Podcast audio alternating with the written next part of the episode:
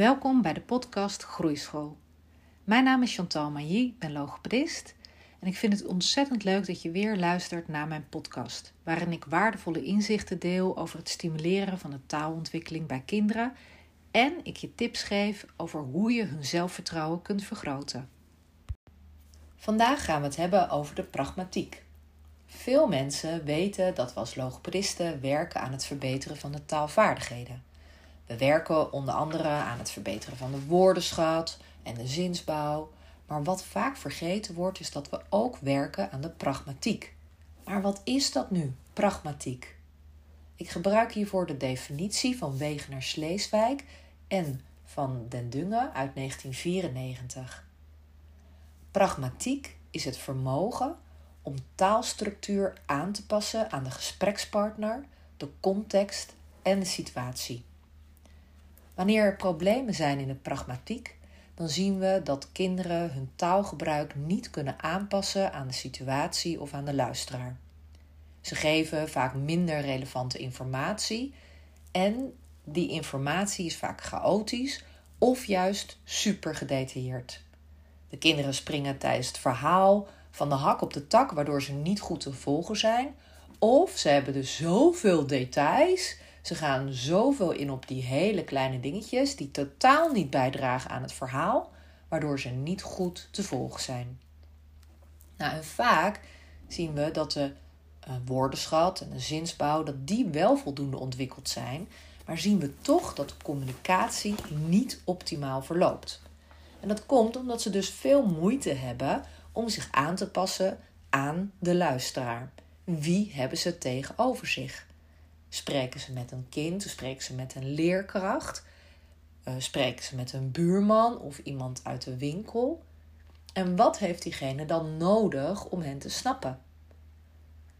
Je kent het misschien wel dat, er een, dat een kind ineens een verhaal vertelt, maar midden in het verhaal start. En je kunt er geen touw aan vastknopen. Je hebt even geen idee waar het verhaal over gaat. Dan is het dus even iets misgegaan in de afstemming. En vaak zie je dat kinderen dus ook niet doorhebben dat jij ze helemaal niet begrijpt.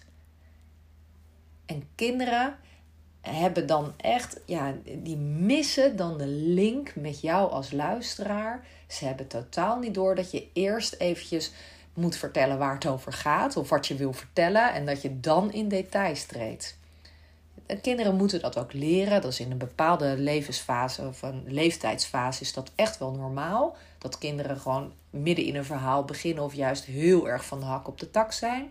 Maar op een gegeven moment moeten ze dat echt wel goed gaan beheersen. En dan moeten ze dus hun taalgebruik kunnen afstemmen op hun luisteraar. Nou, wat we zien is dat kinderen met pragmatiek problemen ook heel veel moeite hebben met beurtgedrag. Dus ja, ze nemen de beurt niet. Of ze geven de beurt zo snel mogelijk weer door. Ze kunnen ook veel te lang doorpraten en reageren eigenlijk helemaal niet als de gesprekspartner ook iets wil zeggen. Ze denderen er dwars overheen. Um, ja, ze stellen eigenlijk niet zoveel vragen. Of ze stellen meerdere keren dezelfde vraag. Dat je denkt: hallo, nu weten we het wel. En um, ja, die, dat, die beurtnamen, dat is echt wel een pragmatiek stukje. Omdat je daarmee, hè, dat kan je ook oefenen in spel. Maar dat heb je dus ook nodig tijdens de communicatie. De ene keer is de een aan het spreken en de andere keer is de ander aan het spreken. En dat wisselt zich, als het goed gaat, in een heel goed en normaal patroon, een, ja, een vloeiend patroon, wisselt zich dat af. Wat we ook zien, het is niet alleen beurtgedrag waar kinderen met pragmatiek problemen last, moeite mee hebben, maar ook met de verhaalopbouw. Dus ja, verbanden leggen, oorzaak-gevolg. Dat vinden ze heel erg lastig om over te brengen.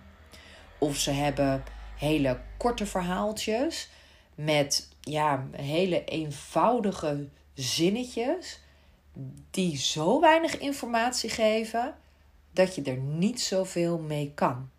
Dus ze geven minder kerninformatie dan jij als luisteraar nodig hebt. Ze kunnen ook onderbrekingen hebben in hun verhaal of heel veel woordvindingsproblemen kunnen ze hebben. Omdat ze eventjes het verhaal kwijt zijn, niet meer weten waar ze zijn in het verhaal. Um, nou, ook qua communicatie uh, en qua intentie in communicatie, dan zie je dat deze kinderen moeite hebben om iets te vragen. En ze, ja, ze weten eigenlijk niet hoe ze dat moeten doen. En daar mag je als ouder zijn of leerkracht zijn, dan mag je je daar best wel bewust van zijn. En mag je ook leren van ja, hoe doe je dat eigenlijk? Hoe stel je een vraag? Ook zie je dat, ehm, nou ja, eigenlijk taalhandelingen, zoals bijvoorbeeld groeten, dus gedag zeggen bij, uh, groeten bij binnenkomst en gedag zeggen bij weggaan, dat deze kinderen met pragmatiekproblemen daar wat meer moeite mee hebben. Ze zijn er onwennig in, ze hebben geen idee dat het erbij hoort. Dus dat is ook een stukje waar je kinderen aan kunt herkennen. Nou, en rekening houden met voorkennis van de luisteraar, van de gesprekspartner, dat is echt uh, wel uh, key. Dat is eigenlijk de belangrijkste. Want ze zijn dus eigenlijk niet gericht op de kennis van de gesprekspartner. Uh, met, op het gevoel of de intentie. Dus ze kunnen af en toe compleet de plank misslaan. En ze houden dus geen rekening met, ja, wat, wat is nou de leeftijd van hun gesprekspartner? Of Ehm, ja, wat ik net al zei, een leerkracht spreek je anders aan dan iemand bij, die in een winkel werkt. Of je oom spreek je anders aan dan een kind uit je klas. Daar kunnen kinderen met pragmatiekproblemen kunnen daar veel moeite mee hebben. Wat we ook zien is dat kinderen uh, met problemen met de pragmatiek minder uh, spreekinitiatief nemen. Dus ze zullen minder snel zullen ze een gesprek uh, starten. Of, nou, wat ik net al zei, om hulp vragen. De kinderen zijn vaak wat meer afwachtend en wachten dus tot de ander iets zegt en dan haken ze daarop in. Um, bij het gespreksthema blijven, dat vinden ze ook heel erg lastig. En dat heeft een beetje met dat hak op de tak verhaal uh, te maken. Um, ze kunnen met het onderwerp A beginnen en bij onderwerp Z kunnen ze eindigen. En ondertussen ben jij als, als luisteraar, ben je eigenlijk de hele draad, de hele rode draad van het verhaal, ben je gewoon kwijt. En dat hebben ze niet door, want daar hebben ze geen inzicht in. Dus ja, um, wat, we nog, uh, wat we nog meer zien is dat er dus vaak veel misverstanden zijn in de communicatie als de pragmatiek niet helemaal lekker verloopt. Dus um, ja, wanneer, er zijn vaak conflicten en ze hebben dan moeite om die conflicten op te lossen. Ze voelen zich vaak onbegrepen of begrijpen juist hun omgeving wat minder. Um, ja, en dat maakt het heel erg lastig en dat maakt het heel erg uh, eenzaam. En dat heeft dus ook echt invloed op de sociaal-emotionele ontwikkeling van een kind. Um, dus ja, ik denk dat het ook goed is dat je daar wat meer over weet. Dus dat je meer weet van wat is nou de pragmatiek en hoe kan ik dan zien bij kinderen als de pragmatiek dus niet helemaal lekker verloopt. Nou, wat kan je doen om te helpen? Sowieso rollenspellen om die in te zetten, dat is fantastisch. Waarom? Ze moeten zich inleven in hun rol. Daar leren ze heel erg veel van. Uh, ook bij voorlezen, voorspellen van hoe zou het verhaal nu verder verlopen. Dat is ook ontzettend leuk en goed om te doen. Nou, op Pinterest kun je ook heel veel logische reeksen vinden. Als je daar eventjes op zoekt, vind je heel veel plaatjes uh, met allerlei onderwerpen die je kunt gebruiken. Wat doe je met logische reeksen? Dat zijn dus die plaatjes die je in de goede volgorde moet leggen. En dan is het sowieso, hè, wat is het begin, midden en eind? Dat moeten kinderen leren. Maar vervolgens ook, ja, wat is nou het verhaal? Wat gebeurt er nu? Want vaak zit er een klein grapje in zo'n logische reeks verstopt. Wat dus heel erg leuk is om samen te bespreken. En als het kind het niet begrijpt, om dat uit te leggen. Filmpjes van Pingu en voor de oudere kinderen Mr. Bean zijn ook een aanrader. Waarom? Er wordt niet ingesproken. En er is altijd wel een probleem met een oplossing. En uh, dat is, of er zit een stukje humor zit erin. Daar hebben kinderen met pragmatiek hebben daar ook wat moeite mee. Om dat, die, die humor te begrijpen. Ehm, maar dan is het heel erg leuk om samen zo'n filmpje te bekijken en vervolgens te bespreken. Wat is er nou gebeurd? En ehm, deze kinderen zullen echt misschien aan het eind van het verhaal starten, omdat ze daar zo enthousiast over zijn. Maar leer ze dus dat een verhaal altijd begint bij het begin, dan een middenstukje heeft en dan een eindstukje heeft. Daar zullen de kinderen echt heel veel baat bij hebben als ze dat geleerd wordt, omdat ze zich zo dus duidelijker kunnen maken richting hun omgeving. Want dat gaan ze dus ook toepassen in hun eigen verhalen.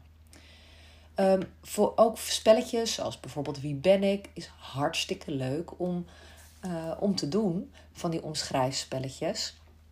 Omdat je daar dus ook, ja, wat heeft je uh, gesprekspartner, je luisteraar nu eigenlijk nodig qua informatie? Wat is nu handig om te weten en wat is juist helemaal niet handig en wat is alleen maar afleidend en zet iemand op het verkeerde been? Dus probeer een beetje spelende wijs. Um, nou, uh, hiermee aan de slag te gaan. Sowieso is het fijn dat je wat meer inzicht hebt in de pragmatiek en dat het dus echt ook onder een taaldomein valt. Uh, en ja, vraag dus ook om hulp als je merkt dat jouw kind of jouw leerling hier wat moeite mee heeft, dan is het heel fijn en goed om contact op te nemen met een logopedist. Om eens te vragen van joh, we zien dit en dit en dit. Ja, wat, wat kunnen we ermee? Hoe kunnen we dit kind helpen? Er zijn ook verschillende observatielijsten zijn er beschikbaar om echt goed inzicht te krijgen in de pragmatiek van het, het niveau hè, van, het, van de pragmatiek van het kind. Om zo te kijken van ja, heeft dit kind extra begeleiding nodig? Of is het passend bij de leeftijdsfase? Want bij elke leeftijdsfase wordt er natuurlijk weer wat anders gevraagd van de pragmatiek. Figuurlijk taalgebruik um, snappen jonge kinderen nog niet. Oudere kinderen mogen dat wel al begrijpen. Humor is ook iets wat in ontwikkeling is. Dus kinderen van een jongere leeftijd zullen humor nog wat minder snappen dan kinderen die wat ouder zijn. Ik hoop dat je er wat aan hebt gehad. En mocht je nog vragen hebben, je kunt me altijd via social media kun je me een berichtje sturen. Via Groeien met Taal. Op Instagram of op Facebook kan je me een berichtje sturen. Of LinkedIn. En natuurlijk mailen naar chantal.groeischool.nl. Ik zei het bijna verkeerd. chantal.groeischool.nl. Ik hoop van je te horen. Ik hoop dat je er wat aan hebt gehad. Ik wens je een hele fijne dag toe. Doeg! Dankjewel voor het luisteren. Nog even kort een paar belangrijke dingen. Ten eerste, het is mijn missie om meer aandacht te krijgen voor taalontwikkeling en TOS, taalontwikkelingsstoornissen. Meer aandacht voor wat een kind wel kan en meer aandacht voor het bouwen aan een stevige taalbasis, zodat ieder kind met vertrouwen de toekomst tegemoet kan gaan. Daarom maak ik deze podcast voor jou. Ten tweede, wil je alle podcastafleveringen overzichtelijk onder elkaar? Abonneer je dan op deze podcast. Klik in je podcast-app op de button abonneren. Elke keer als er een nieuwe podcastaflevering gepubliceerd wordt, ontvang je dan automatisch een berichtje. Ten derde, ondersteun je mijn missie? Geef me dan een review via je podcast-app, bijvoorbeeld iTunes of Spotify en op die manier kan ik nog meer professionals en ouders bereiken. Ken je een collega voor wie deze podcast ook interessant is? Dan zou het super zijn als je hem of haar de podcastaflevering doorstuurt. Vind het ook altijd superleuk om berichtjes te ontvangen van luisteraars om te horen wat je van de podcast vindt of als je vragen of suggesties hebt. Stuur me maar een berichtje naar chantal@groeischool.nl of stuur me een connectieverzoek op LinkedIn. Bedankt voor het luisteren en tot de volgende aflevering.